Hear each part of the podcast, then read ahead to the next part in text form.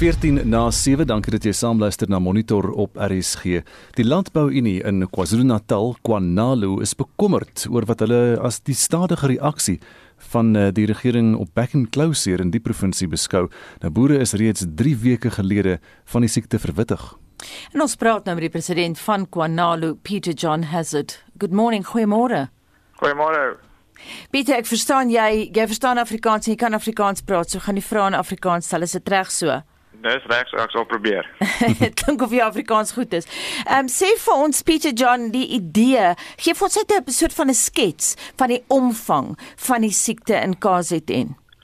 Wel, op die oomblik is daar twee distrikte wat nou ehm um, die siekte het. Ehm um, in in daai twee distrikte is daar net twee areas wat ehm um, positief getoets het. So wat hulle sê dis twee dip tanks uh, waar die mense die dip beeste dip is positief getoets. Ehm um, daar's baie ehm um, toetse wat gedoen is, maar meeste van hulle is nou negatief. En die goeie ding is die rooi lyn gebied hier na Mosambiek se grens toe al die toetse wat nou teruggekom het is is negatief. So dis 'n goeie ding ehm um, vir ons maar dis net daai twee areas wat nou nog steeds positief is. Nou ons verstaan dat uh, daai twee areas daar nog nie 'n verklaring in die staatskoerant gepubliseer is nie. Is dit 'n rede tot kommer dat dit nie gepubliseer word nie? Ja, wel ons het gehoop teen Vrydag ehm um, sou hulle dit gegeset het en hmm. in die staatskoerant sou gewees het. Maar ongelukkig lyk dit my ek het nog nie geen terugvoer gekry nie. Lyk dit my ons het nie dit reg gekry nie.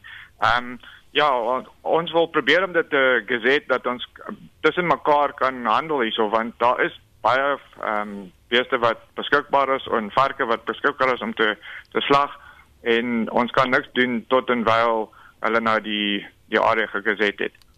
Vir mense wat nie boere is nie, hoe vinnig kan back and claw versprei? Dit kan nogal vinnig uh, versprei, maar uh, as ons dit probeer kontroleer, dan sal dit ehm um, in daai areas bly sover het dit nie te vinnig versprei nie. Uh wat wat 'n goeie ding is. Ehm um, maar as dit nie ehm um, bekamp nie, sal dit definitief verder versprei vir alles mense die beeste verskuif want daar's nie eintlik 'n wet nou wat sê hulle mag nie weer verskuif nie. Hulle is net gevra dat ons nie beeste moet skuif tot en wel ons sien wat ehm um, gebeur met die back and claw. So dis ook om ons die die die geset wil gehad het dat ons nou daar ehm um, obviously die mense kan beboet word of aan ehm um, aangekla word as hmm. hulle beeste skuif.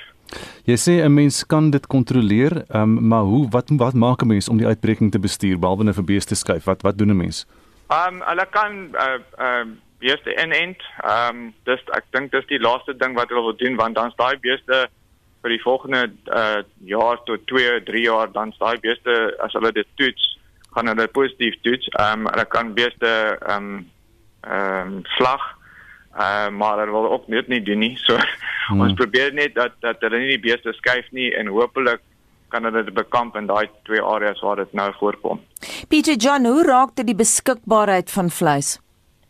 Ja, dit is nogal moeilik want ek het nou van die begin af probeer om die slagpale oop te hou. Ehm um, maar dit, het, ek sukkel so bietjie deur Konalu en deur RPO probeer ons nou dat die ouens kan handel in in die area veral as jou beeste negatief getoets het. Ehm um, so die die slagter in die dorp moet nou beeste uh gaan of vleis gaan koop seker 200 km weg. So dit kos hom nou geld om beeste of karkasse aan te ry en die ander twee groot abattoirs wat hierso is, slagpale. En dit's van die kleiner ehm um, slagpale ehm um, in ander areas wat ook uh, uh vleis moet inkoop nou. Sê vir my, is daar 'n venster tydperk waar tydens bees byvoorbeeld negatief kan toets, maar eintlik positief is? Nee, dat, nie wat van, van wat ek weet nie. Ehm um, want hulle het nou van die obviously my beeste is getoets en baie meeste van die beeste is getoets. So daar meeste van die beeste is negatief getoets. Ehm um, maar hulle hulle toets elke maand by die by die dip tanks so so hulle sê en ehm um, uh, dan kan dit gou optel. Is dit moontlik om die beweging van die beeste heeltemal te beheer? Weet julle watter beeste word na waar geskuif? Ja, de, ek dink dit dit sal moontlik wees, maar al die rolspelers moet saamspeel. Hmm. Uh, jy kan nie Fiat se nee net hulle mense kry om om padblokkades of rond te ry en mense te stop nie. Uh, die SAP moet help en sowel as die die die mense van die die ehm um, die RTI mense wat wat mense sien wat beeste aanry maar op die oomblik tot en wyl dit dit gegeset is kan ons nie enigiets doen en daar's nie daar is 'n wet wat sê jy mag nie siek beeste rond ehm um, ry nie maar wie hoe gaan jy die mense stop? Want dit is nog nie gegeset nie. As sodra dit gegeset is en almal op dieselfde bladsy dan kan ons die mense aanvat of ehm um, ehm um, beboet whatever wat hulle kan doen. Uh dis ons grootste probleem. So vinniger dit gegeset is, hoe beter is dit vir ons. Wat sê die provinsiale regering?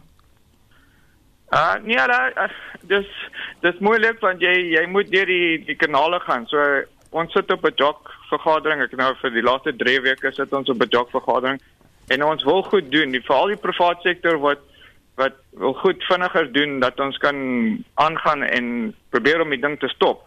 Maar dit dis 'n baie uh, stadige proses. Ehm um, uh, want jy moet nou deur al die kanale gaan en so dat die een ding word gedoen, dan word jy na die volgende stap, dan na die volgende stap. So hy nou by die minister is, ehm um, hopelik ehm um, teen hierdie Vrydag sal dit nou gegeset wees en dan sal dinge 'n bietjie verander. Maar blykbaar dit is sy sit net elke Vrydag om in haar kantoor om die goed te te teken of af te handel. Staan daai slagpale van julle nou stil? Hoe besig raak so 'n slagpale gewoonlik of moet dit gewoonlik wees?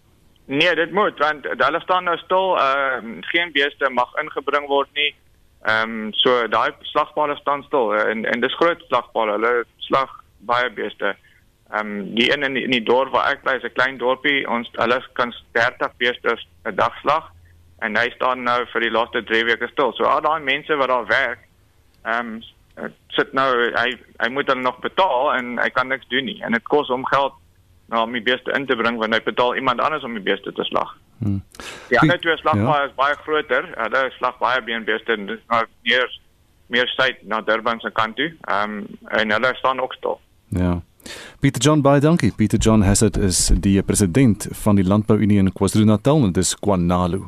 Suid-Afrika kry sowat 8% van sy rykdom uit minerale ontginning en volgens die nasionale vereniging van onafhanklike myners het die land ongeveer 6000 verlate myne wat 'n jagveld geword het vir onwettige mynwerkers wat as zamazamas bekend staan. Dat dit 'n beroep is wat baie gevaarlik kan wees, blyk uit die onlangse ontdekking van 20 lyke van vermeende onwettige mynwerkers by 'n myn in Orkney in Noord Noordwes.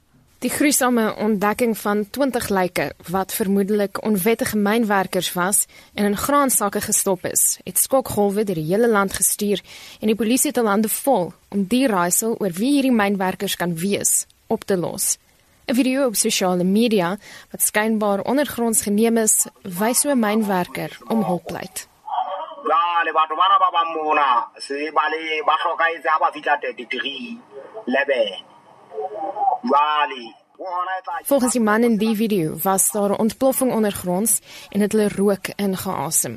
Nadat die video onder hulle aandag gebring is, het die bestuur van China Africa Precious Metals 'n brief aan een van die skagte gestuur om die ondergrondse mense in kennis te stel dat hulle bereid is om te help. 'n Dag later is 5 lyke gevind, gevolg deur nog lyke 'n paar uur later. Die mynbestuurder, Isaac Chabalala, sê hulle glo dat meer liggame ondergronds kan wees. We suspect that there is still some more bodies underground. We can confirm the number. I heard the number 37 be mentioned. So if 37 is the right number, then it means we still have got 17 more to come out. If that is the number. Die onlangse ongeluk het ander blykbaar nie afgeskrik om onwettig te myn nie.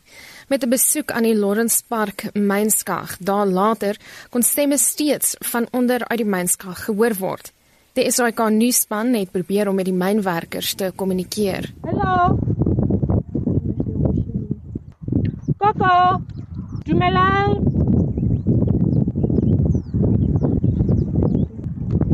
Hulle tlhoke go tlhagisa sefatlhego re kopa go bua.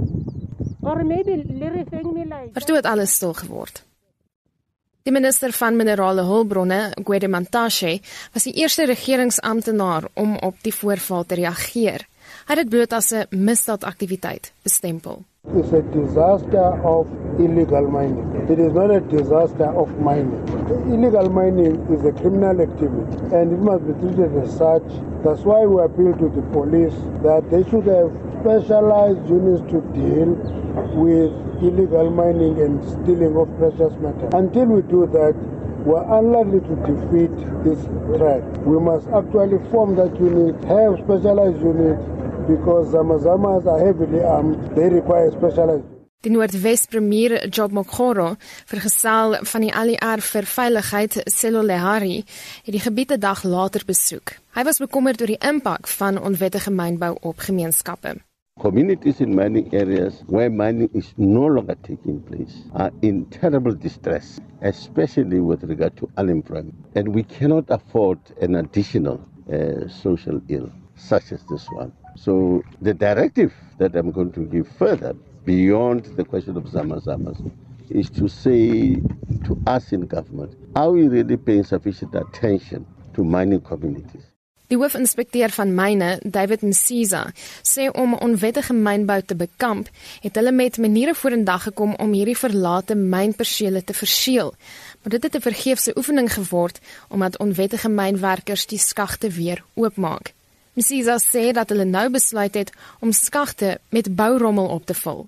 We've been working together with the mining sector to ensure that they seal off the working places. And after they've sealed off, the illegal miners will break off the seals. So what uh, we've encouraged them to do is to is to fill uh, those shafts, which they've started the uh, the process of actually doing that. Die polisie het sedertdien ontdek dat 12 van die lyke stukke papier met name en nommers by hulle gehad het. Dit skep 'n moeilike taak om betrokke gesinne op te spoor.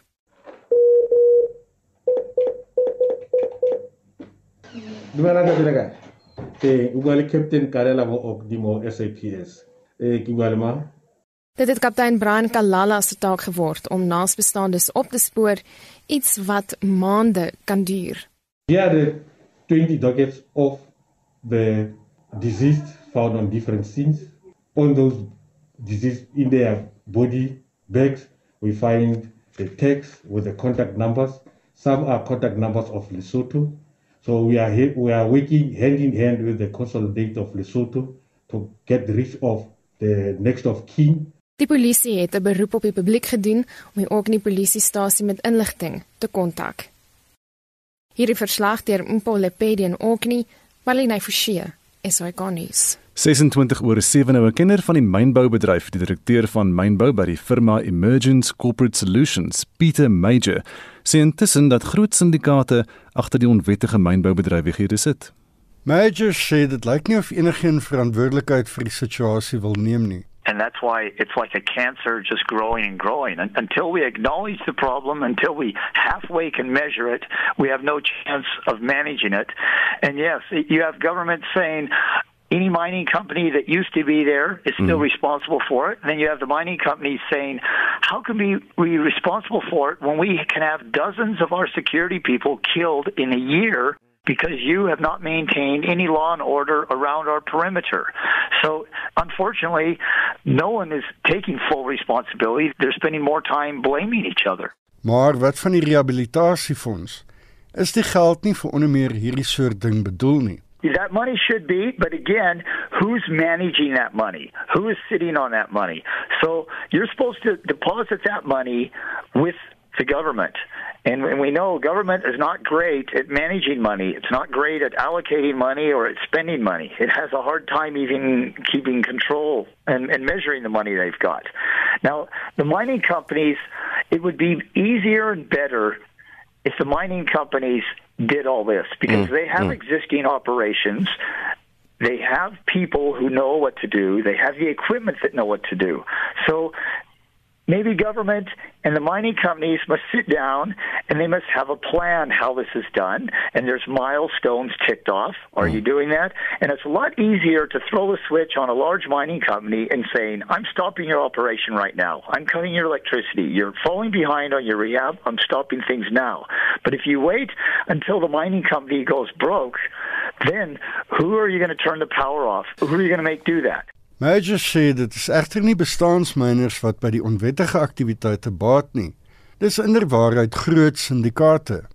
Syndicates and these cartels, they are like a cancer. And if you allow them to go out of control, they consume the whole body. And as they get larger, they permeate into not just abandoned mines, they permeate into existing mines. And they have people inside the existing mines that are working for them. And those people they start stealing, they, they start corrupting some of the workforce, and then you have a situation like Sabanya when they closed their cook shafts. Mm. As Neil Farman said, we had 4,500 people working there. And we found out 1,500 weren't even working for us, hmm. and another 1,500 they were employed by us, but they were helping the other 1,500. So he says, "How do you sort that out? How do you clean it out?" Hmm. He just had to close the whole mine forever, unfortunately. Dit was die direkteur van mynbou by Emergence Capital Solutions, Pieter Major. En ek is Hendrik Martin vir SAK nuus. Voordat ons by die komende naweek se sportbyeenkomste kom, uh, kyk ons eers na die afgelope naweek se sport en hier is Pieter van der Berg om dit vir ons op te som. Goeiemôre Pieter. Môre sê Anita. Jy het in Saterdag se naweek aktueel het jy gepraat oor twee rugby eindstryde en jy het ook genoem dat die Karibeker reeks begin. Ja, die Transtasmaniese rugby reeks se se eindstryd is op Eden Park in Nieu-Seeland gespeel en die Blues het 2-3 teenoor die Highlanders se geen gedruk nie en die eindtelling daar dan in die guns van die Blues 23-15 en hulle is dan as die kampioene gekroon daar. Die Bulls het Saterdag aand 'n groot pak slaan in die Reënboog reeks se eindstryd asook in die Karibeker reeks gelei.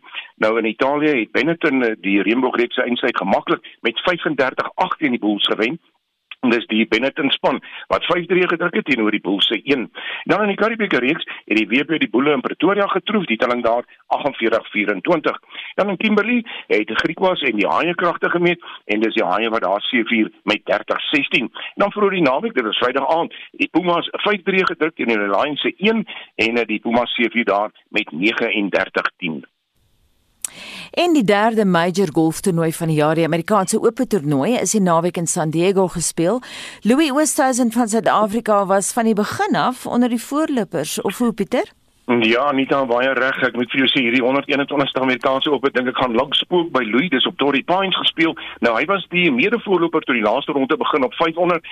Hy het 'n gelykhandsyfer 71 op sy telkaart ingevul en tweede geëindig. Ja, dit was op die 17de waar hy sy bol van die bosse geslaan het.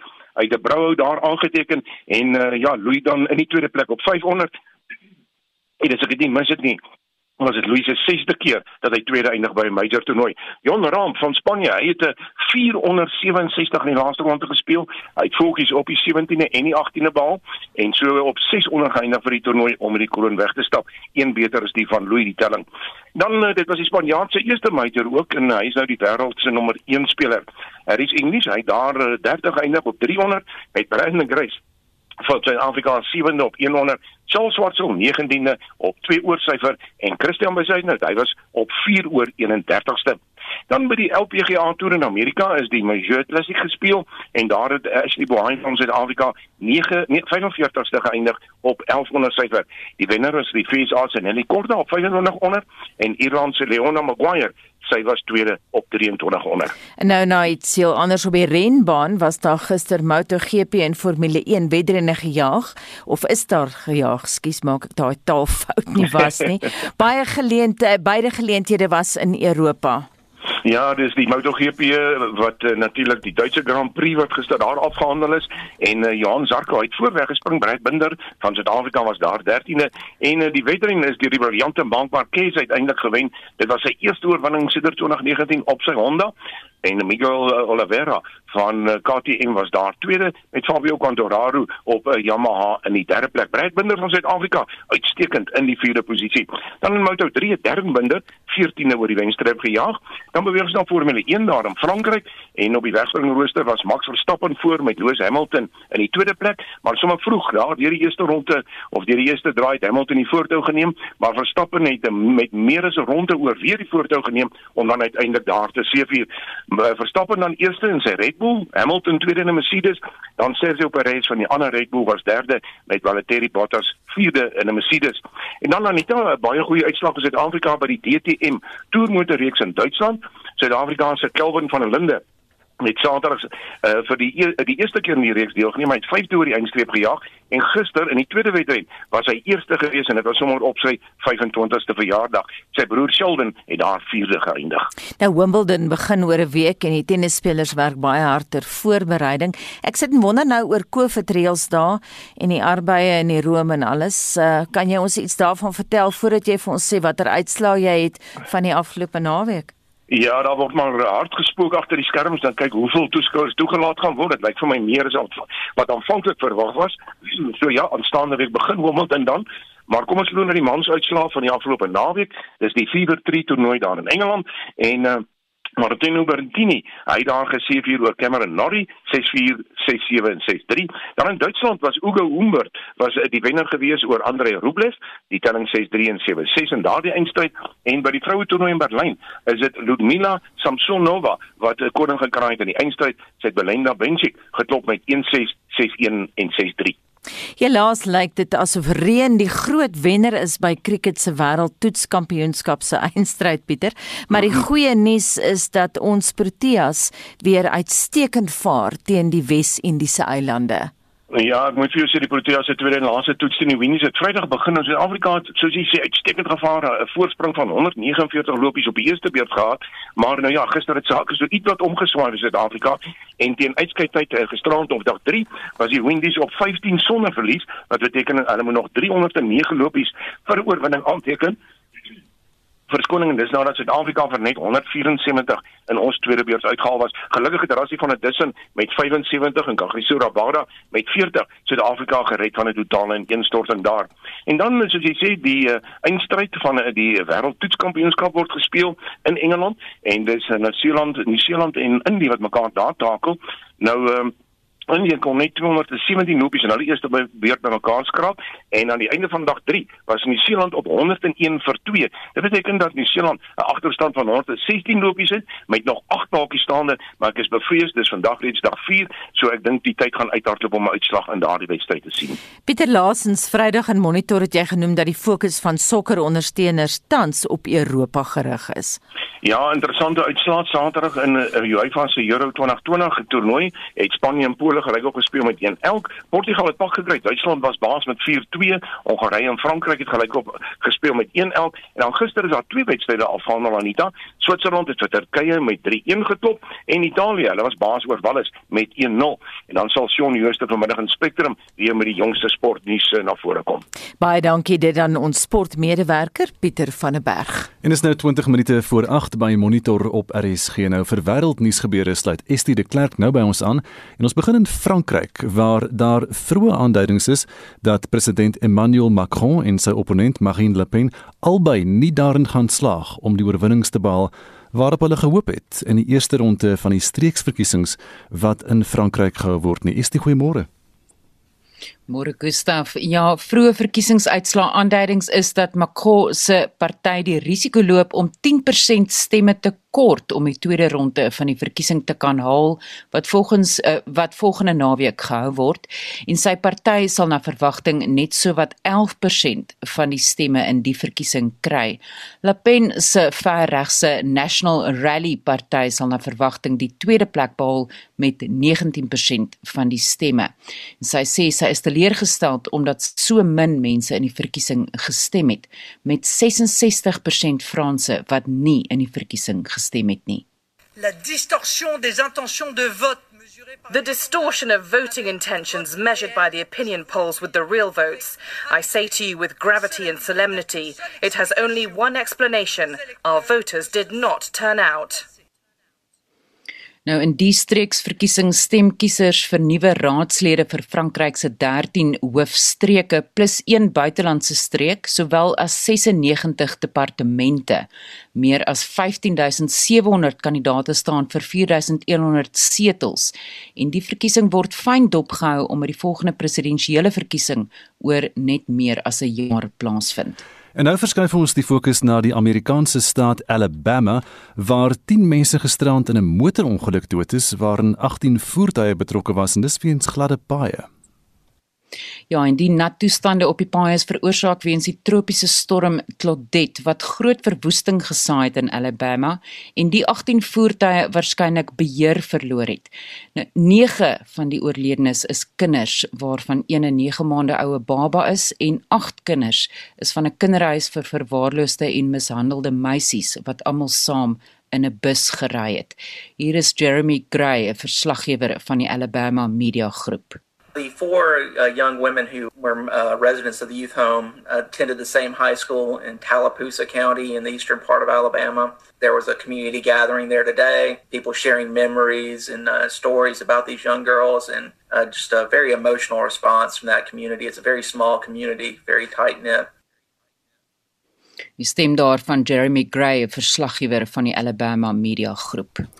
En nou na die Olimpiese spele, die Nieu-Seelandse gewigopteller Laurel Hubbard sal die eerste transgender atleet word wat by die Olimpiese spele gaan deelneem.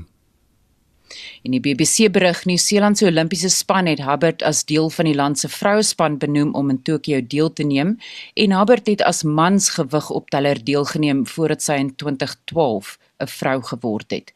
Phil Meeser van die BBC berig uit Sydney. She said in a statement that she was grateful and humbled to be given the opportunity. It is a, a, remarkable journey for Laurel Hubbard. She won a silver medal in 2017 at the World Championships, but she suffered a broken arm the following year in the Commonwealth Games. So she's fought back from that, and her teammates and team management have always been describing her grit and determination. But safe to say, her inclusion in the New Zealand team uh, won't be universally welcomed uh, by those who believe that uh, transgender athletes do have an unfair advantage. Die stem daar van die BBC verslaggewer Phil Meeser in Sydney. En nou iets van 'n ander aard. 'n Taakspan wat die jaar saamgestel is om onverklaarbare waarnemings in die Amerikaanse lugruim oor dekades heen te ondersoek, sal na verwagting in die volgende paar dae 'n verslag aan die Amerikaanse Kongres oorhandig. Ja, en die verslag sal dan vir die eerste keer aandui of daar erns gegee moet word aan of buitenste ruimtewesens moontlik kan bestaan en of dit 'n bedreiging kan inhou, soos wat die BBC se Sophie Long hier berig oor 'n onverklaarbare objek wat in 2017 deur vier vegvlieëniers waargeneem is. My gosh. We're all going against the wind. The wind's 120 knots from the west. An encounter between a US Navy fighter jet and an unidentified flying object, or what the Pentagon prefers to call an unidentified aerial phenomenon. Well, if there's a look at that thing, it's rotating. You are a coach? Lieutenant Commander Alex Dietrich was an operational fighter pilot for 10 years. She was with three other pilots on a routine training flight when they witnessed an unidentified object in the skies off the coast of Southern California, now known as Tic Tac, due to its resemblance to the mints. It was uh, traveling uh, very fast and uh, very erratically, and we couldn't anticipate which way it was going to turn or uh, how, couldn't understand how it was maneuvering the way that it was, or the propulsion system. En daardie verslag word in die volgende paar dae verwag. En dit was dan Estie de Klerk met 'n oorsig oor vandag se wêreldnuusgebeure. Terug in Suid-Afrika, die Wes-Kaapse Hooggeregshof het die adjunkpresident van Ekwatoriaal Genee gelas om meer as 39 miljoen rand in skadevergoeding te betaal vir die marteling van Daniel Janse van Rensburg. Die Suid-Afrikaner wat van Hoekwil naby George in die Wes-Kaap is, of liewer die Suid-Kaap is, is sowat 7 jaar gelede in die Black Beach gevangenis aangehou. Die hof hou adjunkpresident Theodoro Nguema Obiang direk verantwoordelik vir Janse van Rensburg se onregmatige arrestasie en marteling. Tanya Krause het al die besonderhede. Daniel Janse van Rensburg is vir meer as 423 dae aangehou en gemartel. Dit ten spyte van sy onskuldig bevinding op aanklagte van bedrog en diefstal. Sy probleme het begin na 'n lugvaarttransaksie met 'n kennis van Obiang skeef geloop het. Hy is in 2015 vrygelaat en kon na Suid-Afrika terugkeer. Na talle hofstryde is daar 'n beslissing. Janse van Rensburg sê dis die begin van 'n nuwe hoofstuk. Ja, ek dink nie dit is regtig geregtigheid nie. Mens kan nie geregtigheid kry op aarde vir so iets nie. Dit is net nie en dit is ook nie vir ons om dit te doen nie.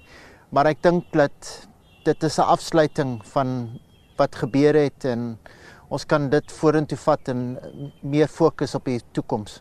Janse van Rensburg sê hy moes die ontstellende ervaring telke male in die hof herleef. Is baie baie dankbaar dat dit die einde is van hierdie lang pad. Dit het nie net die 2 jaar in die tronk nie, maar die 5 jaar daarna met hierdie hof saak. Dit was baie uitgereik en baie baie moeilik op tye. Ons is net baie baie dankbaar vir die genade van die Here wat ons gedra het tot hier. Ons het so baie om dankbaar te wees, so baie vriende en familie wat vir ons gedra het en gehelp het deur hierdie tyd. Hy sê hy het maniere gekry om die trauma te hanteer. Die laaste 5 jaar was maar baie ook op en af en op en af en daar was baie moeilike tye want ons moet nog probeer nog weer gewoond raak aan alles, maar ook genade alleen het ons gedra deur hierdie tyd. Ek het maar die donker tye gebruik om my boek te skryf en probeer alles neersit dat ons dit kan uitbring so vinnig soos moontlik. Ja, ons het maar gefokus op die positiewe goed en familie en vriende. Hy sê as 'n familie herstel hulle steeds en elke dag bring sy eie uitdagings. Ek is Tanya Krause op George. Nou ons bly by die storie en 'n professor in internasionale reg by die Universiteit van Johannesburg, Henny Strydom, praat oor die regsmiddels tot Janse van Rensburg se beskikking. Uh, sou die visiepresident van Ekwatoriaal Genee die Wes-Kaapse Hooggeregshof verontagsaam? Ja, dis heel moontlik dat dit geïgnoreer gaan word. Verneem van media berigte dat die visiepresident steur hom nie eintlik na 'n hofbevel en nie ook nie in sy eie land nie. So dit is 'n uh, werklikheid wat in aanmerking geneem moet word. So die kans is dat dit ag geen reaksie hierop gaan kom nie is baie goed. In so 'n geval is daar die diplomatieke weg dat Suid-Afrika uh, deur die diplomatieke kanale kan poog om uh, die uh, visiepresident onder insig te bring. Die ander is dat as Suid-Afrika namens meneer van Rensburg in hierdie geval voor die Wêreldhof ageer, En so 'n geval is daar die vereiste dat interne remedies dat meneer van Rensburg interne remedies in Equatorial Guinea eers moet uitput behalwe as dit geen doel dien om sulke interne remedies uit te put nie. En ek dink hier is 'n goeie saak uit te maak daarvoor dat dit nie 'n doel sal dien nie van weer die vorige uh, houding van die vice-president en opset van uitsprake van uh, sy hoër Maar of Suid-Afrika nou hierdie pad sal beloop, is 'n ander vraag. Is iets waaroor 'n mens moet spekuleer. Daar is so 'n moontlikheid, ek dink mense baie sterk moontlikheid dat Suid-Afrika die pad sal loop nie. Ek dink die beste opsie is om maar voort te gaan indien dit enigstens moontlik is om op ander eiendom wat daar moontlik in Suid-Afrika mag wees, ek weet nie of dit so is nie, beslag te lê en om daardie manier die geld in die hande te kry.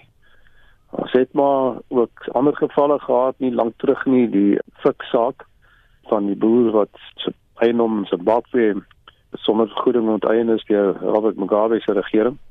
En op die eind is daar die pad van beslaglegging ook gevolg van eiendom in Kaapstad ten einde die uh, remedie te kry. So uh, dit is die opsies wat op hierdie stadium oop is. Die stem daarvan professor Henny Strydom, hy's 'n kenner in internasionale reg by die Universiteit van Johannesburg. 'n Klein plattelandse dorp in die Matsikama munisipaliteit van die Wes-Kaap stoei met die vernietigende uitwerking van die COVID-19 pandemie. Nadat sowat 10% van die inwoners positief vir die virus getoets het, is die hele Kliprand dorpie nou in kwarantyne. Die plaaslike skoolhoof help nou met pogings om verligting te bring. Tanya Krause het al die agtergrond. Kliprand is 'n klein dorpie met ongeveer 250 inwoners. Vir 15 maande het die gevreesde pandemie die 50 huishoudings hier oorgesien, maar ongelukkig kon daar nie weggekruip word nie. COVID-19 het die spikkeltjie op die kaart in die verste noordelike hoek van die Wes-Kaap gevind. In 'n kwessie van 'n week was daar 30 infeksies wat 4 leerdlinge insluit. Die hele dorp is nou onder kwarantyne in 'n desperaatte poging om verspreiding stop te sit. Die plaaslike laerskool se hoof, Ari Kloete. Heidiglik lyk die posisie maar bietjie benard. Die voedselbronne raak ook maar op, die kombuiskas is ook al leeg. Maar ja, as daar iemand daar buite is wat vir ons wil ondersteun, praat met my, is is welkom. Ons het 'n ondersteuningsnetwerk waarby u kan kan kom inskakel. En ja, as as daar enigiets is waar waar vir ons tot hulp kan wees, ons sal dit regtig waardeer. Daar word geraam dat die helfte van al die huishoudings nou 'n COVID-19 geval onder hulle dakke het. Dominee Pieter Oktober van die VGK gemeente op Vredendal sê hulle doen alles in hul vermoë om bystand te verleen. Daar in Kliprand is daar geen winkels nie, geen hospitale nie. Daar is absoluut niks. Lewensbelangrike voorraad moet van buite buite Kliprand ingebring word en die afstande is tot 80 tot 120 km is die naaste winkel en dan die pad daarna toe is 'n grondpad en dit is baie moeilik om te ry veral nou in die wintertyd en na die reëns. Die gemeenskap doen 'n beroep om hulp en kan op Facebook gekontak word. Dominee Oktober sê daar word gebid vir Kliprand in sy donkerste uur. Hierdie verslag is saamgestel deur Mariska Botha in Kaapstad. Ek is Tanya Krause op George. Dis 8 minute voor 8 en die Suid-Afrikaanse Polisie diens moet nog aandui of hy gaan pa staan vir die regskoste van sy voormalige misdaadinligtingshoof Richard Mdluli. Nou Mdluli staan reg op verskeie aanklagte van korrupsie, diefstal en bedrog, saam met die voormalige hoof van die eenheid se verskaffingsbestuur, Hein Barnard en Solomon Lazarus, die voormalige hoof van die geheime fonds van die misdaadintelligensie eenheid. Nou die drie het vlugtig in die Hooggeregshof in Pretoria verskyn en die beweerde oortredings het tussen 2008 en 2012 plaasgevind. Toe die mans glo die geheime fonds as hulle eie tellermasjien gebruik het. Lila Magnus het meer. Die voormalige hoof van misdaadintelligensie, Richard Ndluli, het onder streng bewaking in die Pretoria se Hooggeregshof verskyn. Meer as 6 tronkbewaarders het hom in die hof opgepas. Ndluli dien tans 5 jaar tronkstraf uit vir die aanranding en ontvoering van oupa Ramogibe wat glo 'n verhouding met Ndluli se vrou gehad het. Die saak in die Hooggeregshof in Pretoria is by ooreenkoms uitgestel om die polisie diens 'n kans te gun om aan te dui of hulle Ndluli se regskoste gaan betaal. Ndluli het sedert hy die eerste keer op die korrupsie aanklagte verskyn het, aangevoer die polisie diens moet sy regskoste betaal omdat die beweerde oortredings plaasgevind het terwyl hy vir hulle gewerk het. Die woordvoerder van die nasionale vervolgingsgesag se ondersoekende direktoraat, Sindisiwe Seboka, sê die staat het met die vorige verskyning die hof gevra om Mdluli te dwing om sy befondingsaansoek van die polisie spoedig af te handel.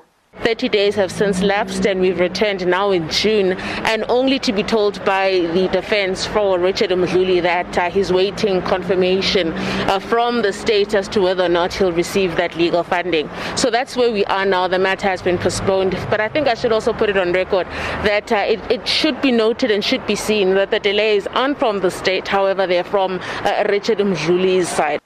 Dit is reeds amper 'n dekade sedert beweringe van korrupsie die eerste keer teen Mdluli gemaak is, maar hy is verlede jaar eers in hegtenis geneem. Was in and out of the role for many years, almost a decade now. So when we took up office in 2019, it was one of those matters that the uh, investigating director had to look at because it falls uh, uh, in our mandate. So when we took it up, we found that there was an issue of declassification of documents.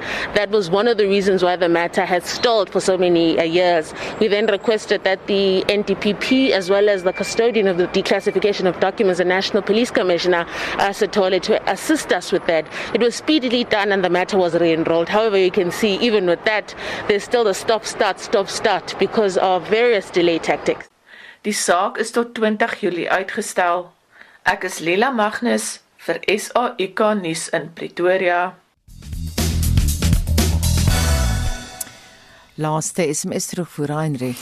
Anita Albert van Kelsevier skryf die polisie in Kelsevier verstaan nie en kan nie Afrikaans praat in 'n grootliks Afrikaanse gemeenskap nie. So gaan dit ook op platlandse dorpe. Inwoners word erg benadeel as gevolg van die polisie wat nie reg kan lees, skryf of hulself kan uitdruk nie. Dan iemand anders Gert wat skryf ek nooi julle uit om die aard toe te kom en te sien hoe die SAPD-lede skitter in werksure in uniforms by Checkers en Shoprite en al aankope daar doen en dan die SAPD voertuie laai. Dit is normaal want jy kan maar klaar dit val op dowe of dooie ore. Hier in Port Nolloth skryf Marinda Burger is van die ouer SAPD-lede wat steeds uitstekende werk doen. Hulle stel ook 'n goeie standaard vir die nuwelinge. Komplimente vir Port Knowledge se SAPD. Iemand anders wat skryf, dit is Julietta Beerwinkel wat 'n SMS gestuur het. Sy sê nie alle polisie is sleg nie. En Frans van Namakwaland in hoofletters asseblief skryf hy alles behalwe die polisie in die da alles behalwe die polisie in die dae van apartheid. Vir die blankes sal dit natuurlik 'n positiewe hinkering wees, maar vir nie blankes bittere herinneringe. Ons land is verdeel op ras op baie gebiede en debatte en dit is 'n groot bron van kommer, skryf Frans van Namakwaland. Dan iemand anders wat sê vroeër jare moes die polisielede fiks gewees het en nie oorgewig nie en met trots al uniform gedra het. Die voertuie was padwaardig en padvaardig seker en slegs gebruik vir werksdoeleindes.